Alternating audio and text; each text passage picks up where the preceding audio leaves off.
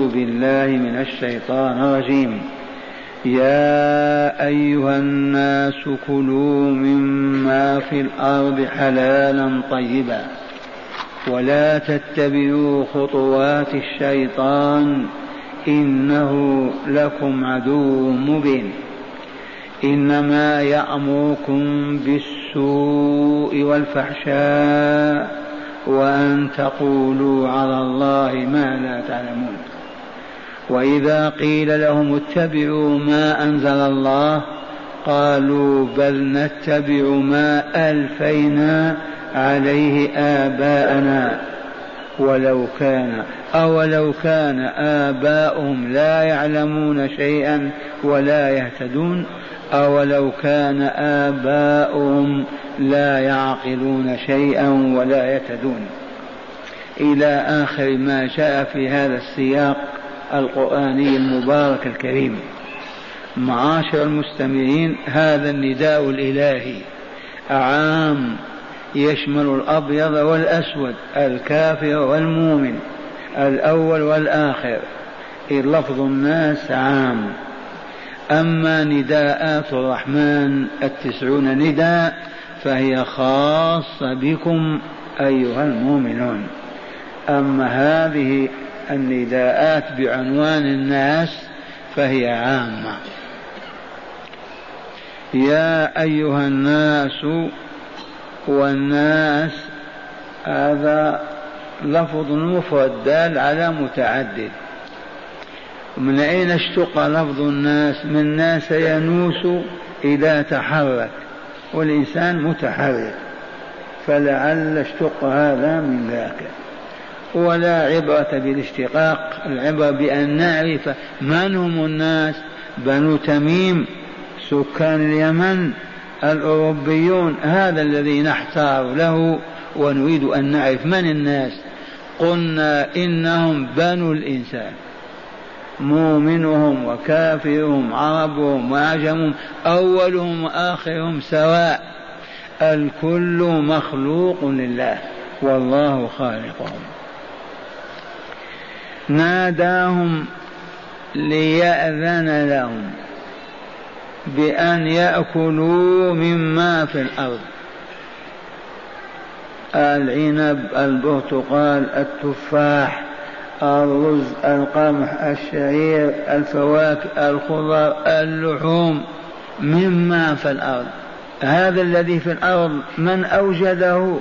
الله جل جلاله. هؤلاء عبيد يستطيعون أن يعيشوا بدون ما أكل ولا شرب؟ لا أبدا.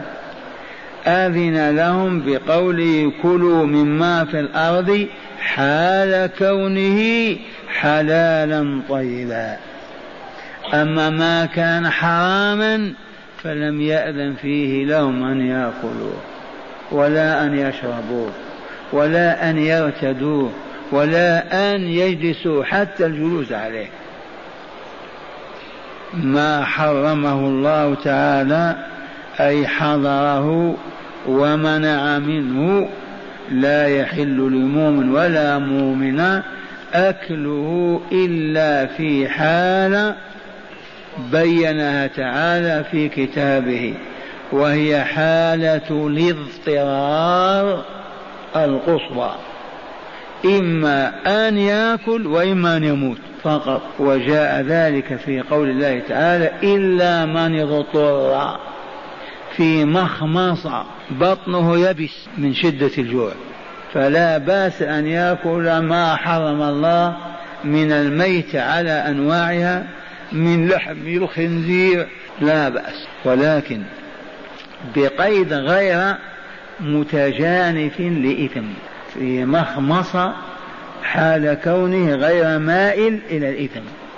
لا أنه يفرح الآن نأكل من لحم الخنزير الآن نأكل الميتة لأنني أصبحت مضطرا. يأكل وهو متألم ومتحسر ومتأسف. لا أن يقول أذن لنا. فيأكلون ويفرفشون. إذا إلا من اضطر في مخمصة حال كونه غير متجانف لإثم إذا هذا الأمر هذا وهو للإباحة وقد يكون للوجوب. لو أن شخصا قال أنا لا آكل أصوم الليل والنهار هل يؤمر بالأكل وجوبا وإلا لا؟ وإلا قتل نفسه. لا بد وأن يأكل ويشرب إبقاء على جسمه صالحا لعبادة الله. إذ وما خلقت الجن والإنس إلا ليعبدون. تدلنا دلالة واضحة أن علة وجودنا وسر حياتنا أن نعبد الله بما أحب أن نعبده به لا بأهوائنا وما تزينه الشياطين لنا. ولكن بما أحب هو أن يعبد به. من الذكر إلى الدعاء وما بينهما مما شرع الله من العبادات. وكثيرا ما أعيد على أذهانكم أراد الله عز وجل أن يذكر ويشكر. بمعنى أراد أن يعبد. فأوجد هذه العوالم كلها علويها وسفلها وأوجد فيها مواد بقاء أهلها وخلق آدم وحواء وأنزلهما وبارك في ذريتهما حتى أصبحت الذرية لا يحصي عددها إلا الله. لما فعل هذا؟ ليعبد. عالم الجن كذلك عالم الملائكة. أين البشر؟ أين الجن من عدد الملائكة؟ هذا الواحد منكم مكلف به عشرة من الملائكة. إذا من يحصي هذا العدد؟ لما فعل الله هذا؟ من أجل أن يعبد. إذا فالأكل والشرب لا بد منهما من أجل البقاء على الحياة التي بها يعبد الله. فمن هنا قد يقول كلوا على سبيل الوجوب. كلوا من طي... كلوا مما في الأرض حلالا طيبا. لو يكذب كذاب ويأتينا بفواكه وخضر يقول هذه جبناها من سطح القمر. يجوز أكلها وإلا لا؟ أهل الورع والبصير لا ما أذن الله لنا في أكل ما على زهرة أو عطارد أو القمر قال مما في الأرض. لا نأكل من غير مبلغ. وإنهم على حق. والحمد لله فرية طلوع القمر انفضحت انكشفت سوءتها ظهرت عورتها والحمد لله ما أماتنا الله حتى أرانا الحق حقا. أيام كنا في باب المجيد والإذاعات العربية بالذات تتعنتر وصحف العرب بالهابطين تتعنتر. طالعوا القمر ونحن نرتعد خائفون. يا عباد الله لا تمدحوا بأمجاد أعدائكم لا تتبجحوا بفضائل أعدائكم. اجحدوها يضحكون. هذا جمود. ومضت فترة من الزمان ووقعت في يدي مجلة صينية. قال صاحب المجلة هذه فكرة أو كذبة طلوع القمر مؤامرة بين الدولتين العظميين لتخدير الشعوب والسيطرة على قلوبها. وما هي إلا أفلام تمت في الأرض. والله كما تسمعون. وموقفنا نحن المؤمنين. قلنا من الجائز أن يكون هذا؟ ولكن لا نثبت ولا ننفي. نقول من الجائز. ولكن لا نتمدح بأمجاد أعداء الإسلام ونسبقهم إلى القول. وقلنا لهم هيا نرجع إلى أربع آلاف سنة إلى بلقيس الملكة اليمنية. بلقيس ملكة اليمن. لما أراد سليمان أن يغزو بلادها. وقد تعرفون ما كانت المواصلات السلكية واللاسلكية والبرية و أناس يعيشون في إقليم لا يسمع بهم آدمي من قرون.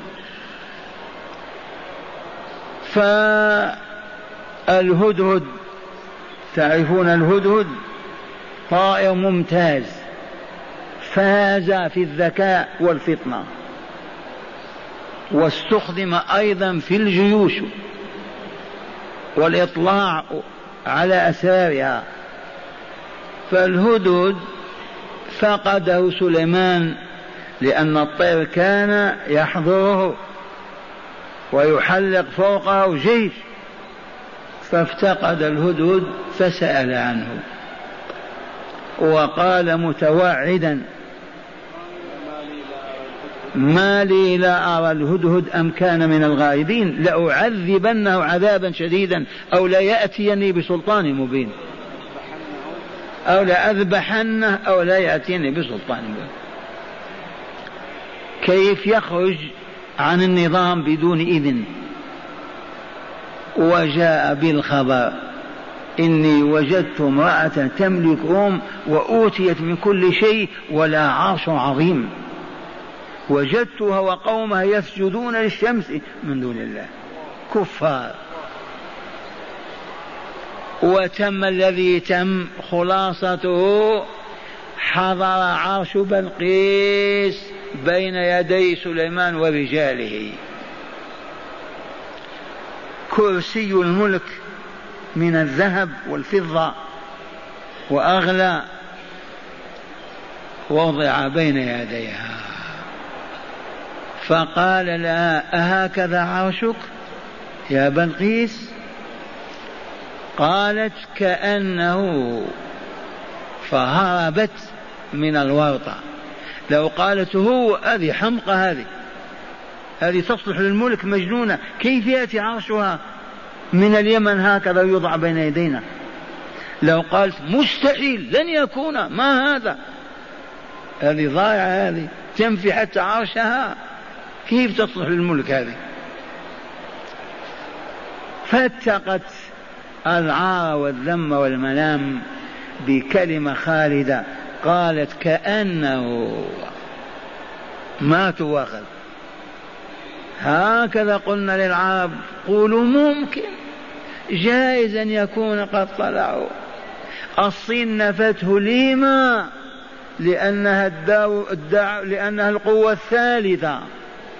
عدو للغرب والشرق. فأرادت أن تحمي قلوب شعبها حتى ما يخدروا بالخوف والهم. فكتبت وصرحت كذبة وتجيل باطل. ليبقى الشعب الصيني قويا قادرا. وأما العرب اذبحوهم امسخوهم زيدوهم.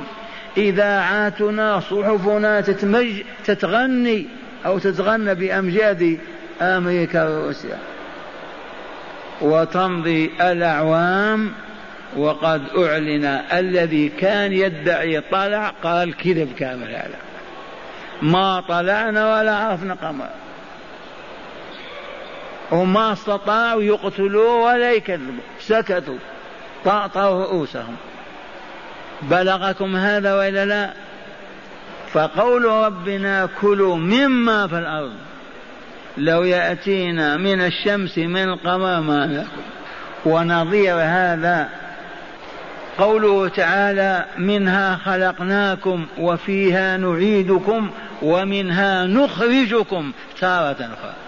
كنت أحلف بالله لن يستطيع أحد أن يبقى على سطح القمر حتى يموت ويدفن هناك. لا بد وأن يدفن في الأرض. لأن الله قال منها نخرجكم. وإذا مات في القمر إلا في الزهر أو في عطارد في هذه الأفلاك كيف يدفن هنا ومن ثم عرفنا أنها كذبة. أرادوا أن يتمدحوا بالباطل لينوموا البشرية ويسحروها بالباطل. عرفتم هذه القضية؟ الحمد لله. نظيرها المملكة. حفظها الله. صبرت. ما اعترفت أبدا بالشيوعية ولا أقرت بسفارة في المملكة. لأية دولة شيوعية. وحفظها الله واستمرت كذلك حتى تمزقت الشيوعية وتحطمت وباءت بالفساد. لولا الصبر لكنا ماذا نصنع؟ افتحوا سفارة لألبانيا وأخلي كذا. والحمد لله ومعنى هذا إذا عرفت الحق يا عبد الله اصبر. اصبر. ما هي إلا أوقات وتنتهي ويظهر الحق كما هو. أو ما تذوقتم هذه؟ الشيوعية والاشتراكية والعلمانية والكفر والباطل الذي ملأ بلاد العرب ما سببه؟ أليست السفارات والاتصالات بروسيا؟ والله لا هي بل بعثوا أولادهم يدرسون في روسيا والدول الشيوعية. والله العظيم. وبلغنا وت... أن شاب درس في روسيا وتخرج. يدرسون ماذا؟ الكفر الخالص. لما دخل على أبيه وأسرته نظر إلى أختي فوجدها جميلة وطويلة. قال الأبي زوجني بأختي. ها؟ أزوجك بأختك؟ قال إيش في؟ أختي. أنا أولى بها وأحق حرام هذا. إي حرام هذا. من حرم هذه خرافات باقية في عقولكم. ما كان من ذلك الوالد إلا أن قام في ليله المظلم وذبحه كالكبش. وفصل رأسه في بلاد العرب والمسلمين. لو كنا كعبد العزيز وأبنائه استقللنا ما نعترف بالشيوعية والإلحاد ولا يدخلون بلادنا ينشرون الكفر. ما كان يحصل الذي حصل. لكن كنا نصفق لهم. هل فهمتم أيها الساسة والسياسيون وإلا لا؟ أو أهل القرآن لا سياسة بينهم. الذي يقرأ كتاب الله ويفهمه هو أعلم إنسان على وجه الأرض بالسياسة. أما سياسة الزنادقة والكذب والافتراء والباطل والتخمينات والحيرة ماذا أجدت دلونا أي شعب, شعب ارتقى إلى الطهر والصفاء والكمال والكرامة والبشرية والآدمية هبطوا أصبحوا كالحيوانات. أقبح من الحيوانات أيضا. أين السياسة؟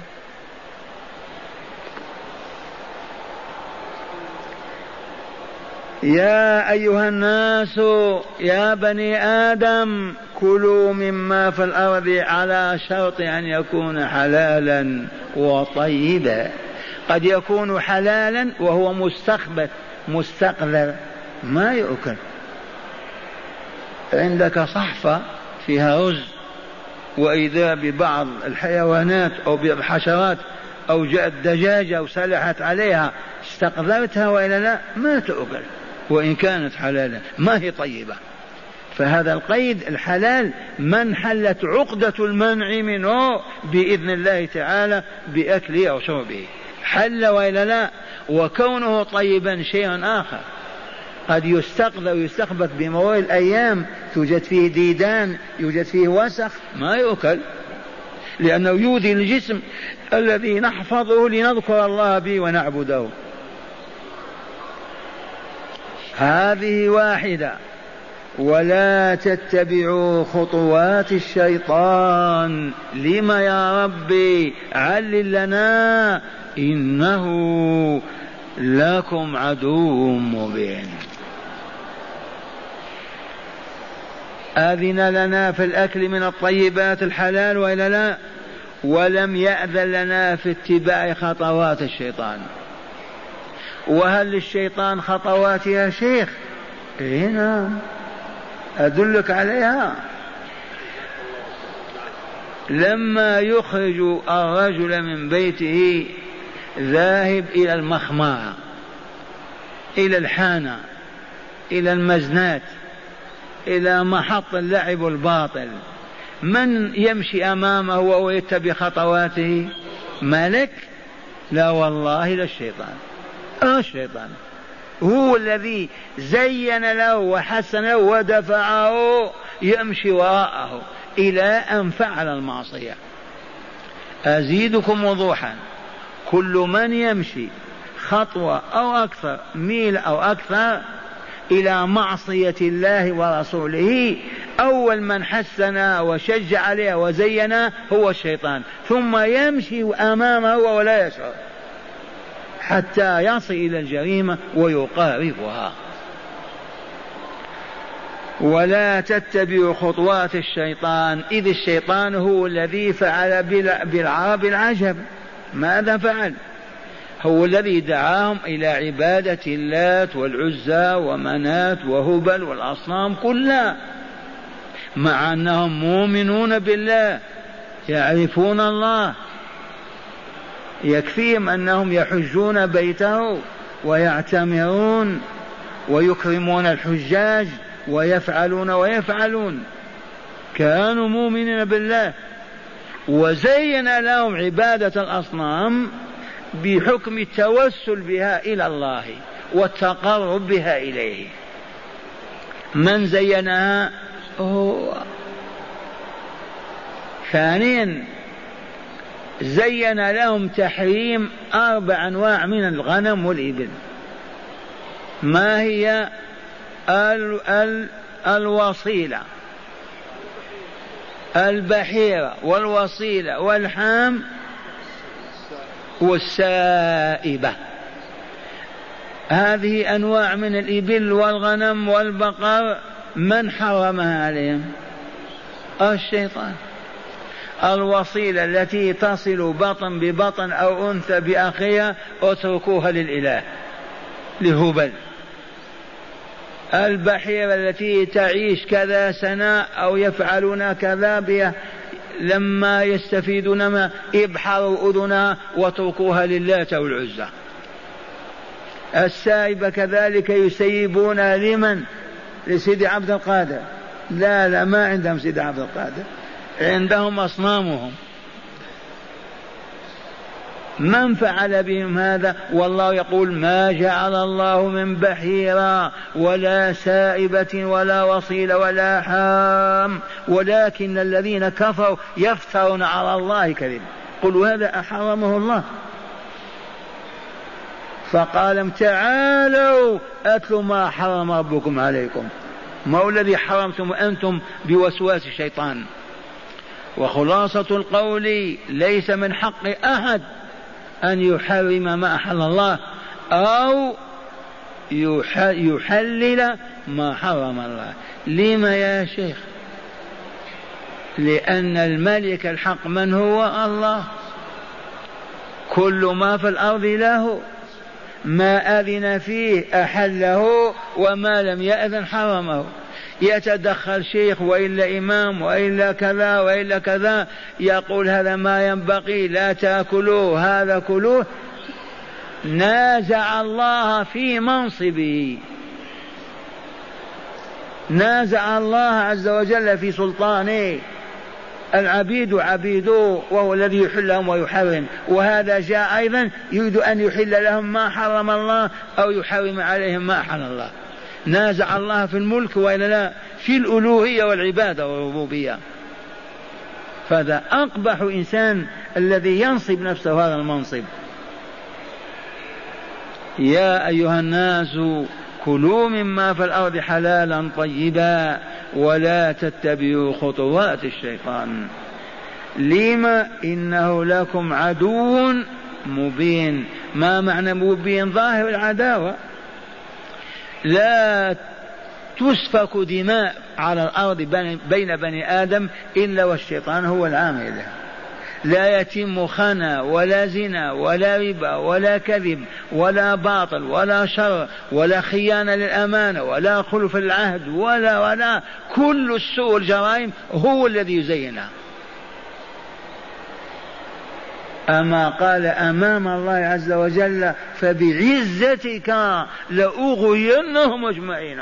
إلا عبادك من المخلصين. لولا الشيطان الإنسان بفطرته يكره الخيانة يكره الكذب يكره الظلم. ما تميل نفسه إليه أبدا.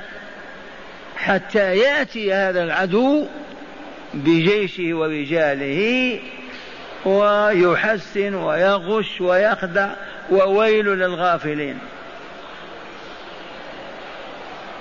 إذا إنه لكم عدو مبين. هل يجوز لك أن تمشي وراء عدوك؟ سكين في يده أو البندقية ليدفنك تحت الجبل وأنت تمشي وراءه. أين عقلك؟ أين يذهب بك؟ فلهذا إذا شعرت بخاطر يدعو إلى معصية الله ورسول فقل أعوذ بالله من الشيطان الرجيم. وعاكسه قوم صلي. حتى في الغضب. لما يوقد النار في قلبك ويظهر الحموة في عينيك وينتفخ أوداجك هو نفخ فيك. ماذا تصنع؟ الله أكبر. ادخل صلي نافلة. يتمزق ويشعر هل عرفت البشرية أن الشيطان عدو لها ما عرفت. الكفار من أين يعرفون؟ الجهال كيف يعرفون؟ إنه لكم عدو مبين أي بين العداوة ظاهرها. إنما يأمركم بالسوء والفحشاء. وأن تقولوا على الله ما لا تعلمون. ثلاث سيئات من أقبح السيئات. الأولى يأمركم بالسوء وهو ما يسوء إلى النفس البشرية فيلوثها ويخبثها ويعفنها وينتنها حتى تصبح كأرواح الشياطين. من أجل ماذا؟ لأن الله صدر حكمه فقال قد أفلح من زكاها وقد خاب من دساها إذا لكي يسعد بوجود بني آدم معه في عالم الشقاء وهو يتبجح بينهم ويعقد أيضا حفلة عظيمة. عرفتم عنها؟ يعقد احتفال عظيم في النار وتجتمع عليه البشرية وإليكم نص كلماتي بالحرف الواحد. من سمع هذا حتى يبلغنا؟ الله. عرف ما يقول وكتبه قبل أن ينطق. جاء من سورة إبراهيم عليه السلام. وقال الشيطان لما قضي الأمر ماذا قال؟ إن الله وعدكم وعد الحق.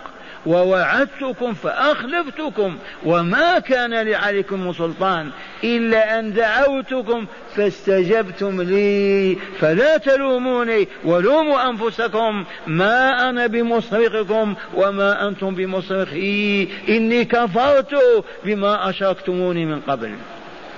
الله أكبر. لولا القرآن كيف نحصل على خطبة تقال في عالم الشقاء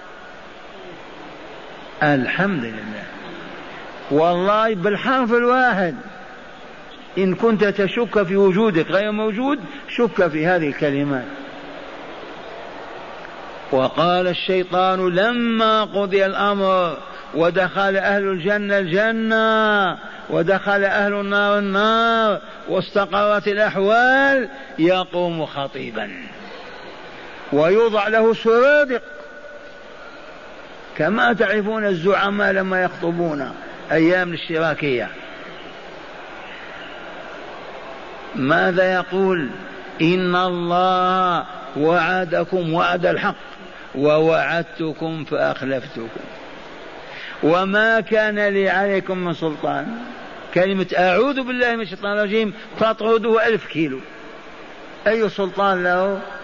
تشعر أنه يقودك إلى المعصية؟ ما فيها. فقط تزيين.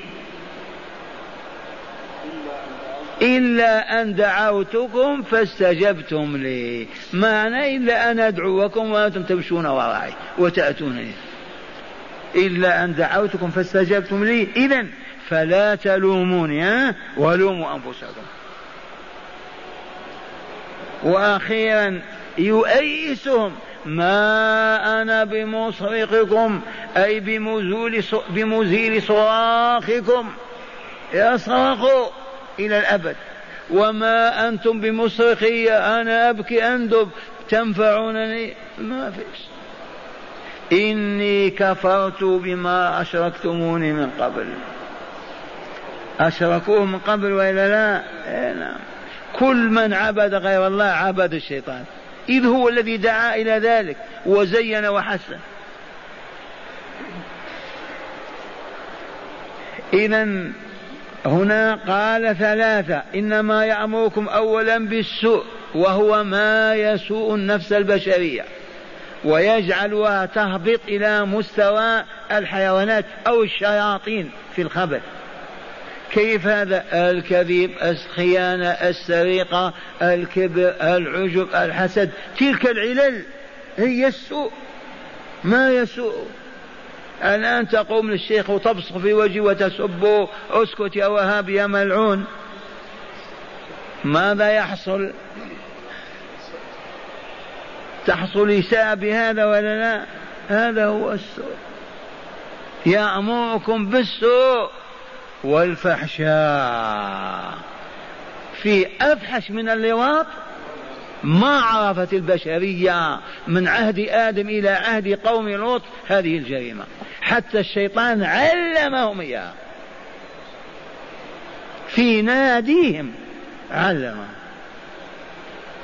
في ما أقبح من هذه؟ ما أبدا الحيوانات ما تفعلها. رأيت الفرس ينزو على الفرس ذكر الجمل ينزو على الجمل الكلب على الكلب لا أبدا. ولكن الشيطان لما زين هذه الفاحشة وحسنا بلغنا أن أندية موجودة في أوروبا.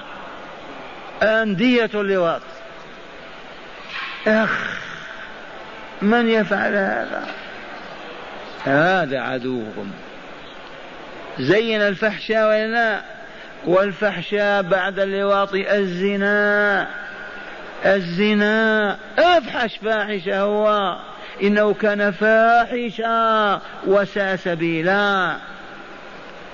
لو ما كان فاحشا بالفطرة من الذي يرضى أن يزنى بأخته أو بأمه أو بامرأته؟ وإن كان فاجرا ما يرضى. النفس ما تقبل هذه القاعدة.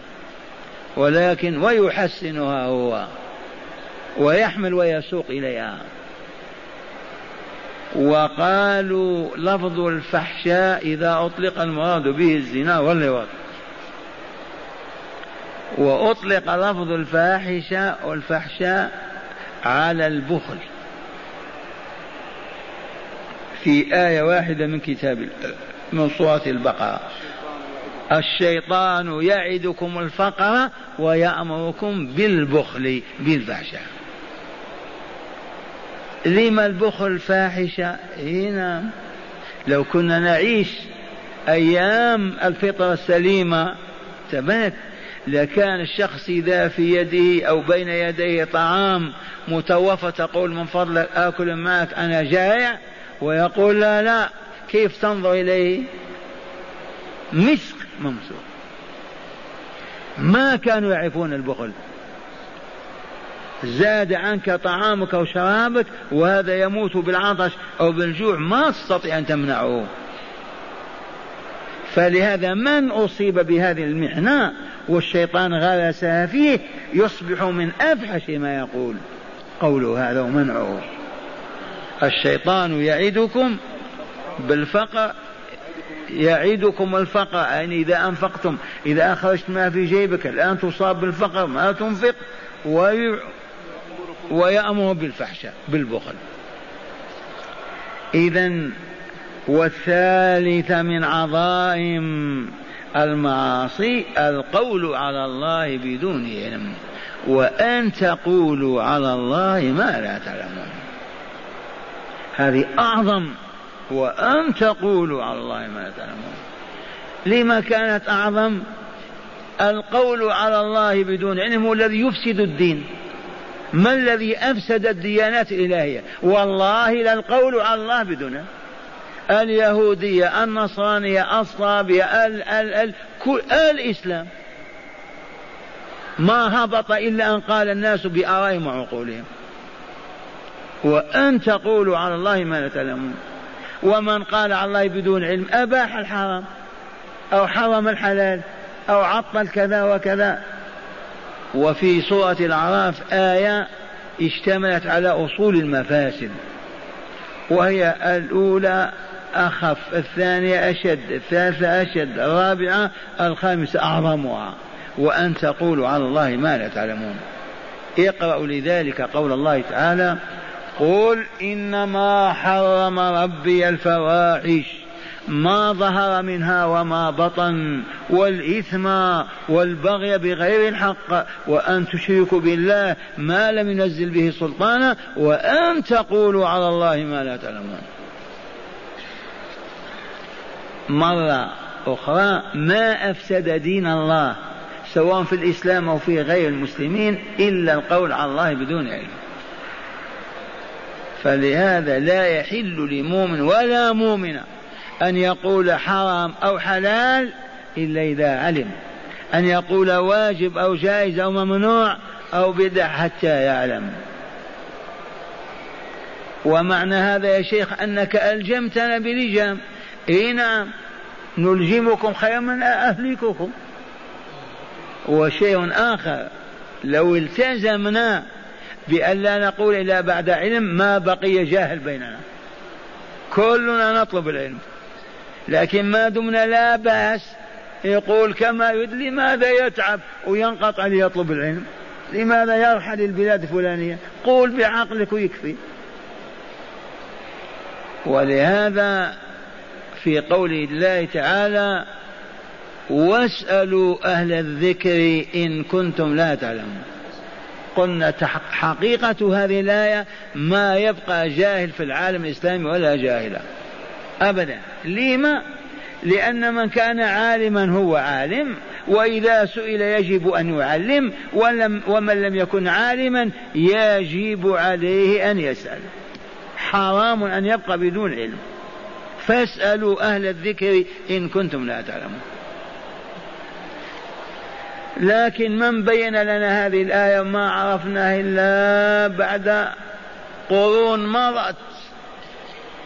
القرآن لا يقرأ إلا على الموتى وإذا سمعوا شخص يقول قال الله يغلقون آذانهم.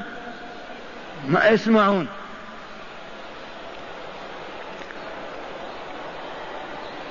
والآن مع المشركين. في مكة وحولها. وإذا قيل لهم اتبعوا ما أنزل الله قالوا بل نتبع ما ألفينا ما وجدنا عليه آباءنا. وهذا عندنا في القرى في المدن في الضواحي في القاهرة في العالم الإسلامي. صاحب السنة والبيان يقول كذا يقول لا نعمل كما يعمل علماؤنا. أنت وهابي. أنت من من كذا. لا آباؤنا كلهم كانوا ضلال ما يعرفون إلا أنت تعرف. هذه هي وإلا لا؟ من يمليها؟ الشيطان. وإذا قيل لهم اتبعوا ما أنزل الله في كتابه وعلى لسان رسوله سواء يقال هذا لليهود أو النصارى أو للعرب المشركين يحتجون بماذا؟ قالوا بل نتبع ما وجدنا عليه آبانا. ما نحن في حاجة إلى دين جديد. واقع البشر وإلا لا هو قالوا بل نتبع ما ألفينا عليه آبانا. قال تعالى منكرا عليهم مستفهما استفهام إنكار وتعديل أولو كان اباهم لا يعقلون شيئا. يتبعون أبا ولو كان أباهم جهالا. ما يعرفون ولا يعلمون. عاقل يقول هذا. تتبع أباك وإن كان ما يفرق بين الكاف والياء ولا الكوع والبوع. هذا حجة هذه حجة. أبهم لا يعقلون شيئا ولا يهتدون إلى ما في كمالهم وسعادتهم إلى ما في طههم وصفائهم التقليد الأعمى حرام. لا يحل لك أبدا أن تمشي وراء أعمى. أين يصل بك إلى الحفرة؟ امشي وراء ذا بصيرة. وعينين. قلد عالما أما تقلد جاهلا. هكذا ينكر الله تعالى علينا وانتفع بهذا خلق لا يحصون عدا عهد الصحابة والتابعين وتابع التابعين قرون ذهبية. ما كان أحد يقلد آخر إلا قال الله قال رسوله. لكن عرف العدو هذا وأماتونا. إذا خلاصة هذا لها نتائج نقررها. باقي وقت ندرس. إذا نعود إلى الشرح للبركة من جهة ولتقرير القضية من جهة ثانية. اسمعوا. المفردات. الحلال ما الحلال؟ قال هو من حلت عقدة الحظر أي المنع منه وهو ما أذن الله تعالى فيه من قول أو فعل أو أكل أو شرب أو اعتقاد. الحلال من حلت عقدة المنع والحظر منه. واضح هذا المعنى. لو سئلت عن الحلال ما هو؟ الذي انحلت عقدة الحظر منه وهنا اختلف أهل العقيدة أهل العلم. هل الأصل في الأشياء التحليل أو التحريم؟ منهم من قال الأصل في الأشياء الحلال التحليل حتى ينزل وحي بالمنع. ومنهم من قال لا الأصل في الأشياء المنع حتى يأتي إذن بالفعل. وهذه الآية شاهد للآخرين. الحلال من حلت عقدة الحظر عنه إذ كان محظورا. ثم قال الطيب ما مراد بالطيب؟ قال ما كان طاهرا غير نجس ولا مستقذر تعافه النفوس كما شرحنا. خطوات الشيطان الخطوات جمع خطوة. وهي المسافة بين قدمي الماشي والمراد بها هنا مسلك الشياطين وطرقه المفضية بالعبد إلى تحريم ما أحل الله وتحليل ما حرم. عدو مبين قال عداوة بينة وكيف وهو الذي أخرج أبوينا آدم وحواء من الجنة؟ في عداوة أكثر من هذه؟ يطرد أباك وأمك من دارهما وتقول ما هو عدوي؟ قال وأكثر المشركين وأكثر الشرور والمفاسد في الدنيا إنما هي بوسواسه وبإغوائه. أنا قلت أولا ما سألت قطر الدم إلا وهو الذي أسألها ما من ذنب إلا وهو الذي دعا إليه. قال السوء كل ما يسوء النفس ويصيبها بالحزن والغم ويدخل فيها سائر الذنوب. هذا السوء. الفحشاء كل خصلة قبيحة كالزنا واللواط والبخل وسائر المعاصي ذات القبح الشديد. قال ما معنى ألفينا؟ وجدنا. وجاء في آية أخرى ما وجدنا عليه أبا. ألفاه على كذا وجده فيك على كذا. قال معنى الآيات بعد ذلك العرض لأحوال أهل الشرك والمعاصي في الدرس الماضي والنهاية المرة التي انتهوا إليها وهي الخلود في عذاب النار. تذكرون الآية وإلا لا؟ آه و... نعم. وقال الذين اتبعوا لو أن لنا كرة فنتبرأ منهم كما تبرأوا منا. قال تعالى كذلك يريهم الله أعمالهم حصرات عليهم وما هم بخارجين من النار. لا بعد مليون سنة ولا مليار. خلود أبدي.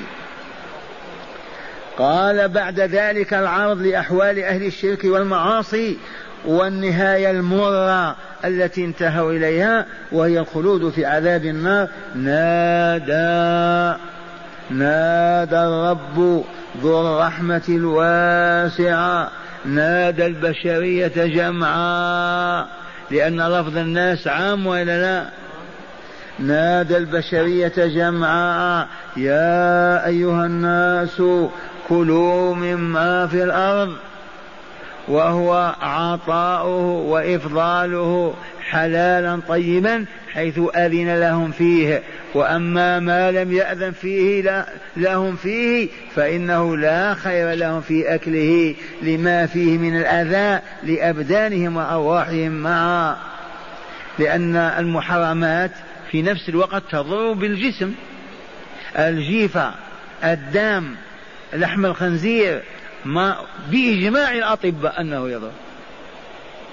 وعندنا لطيفة تعرفون الدياثة وإلا لا؟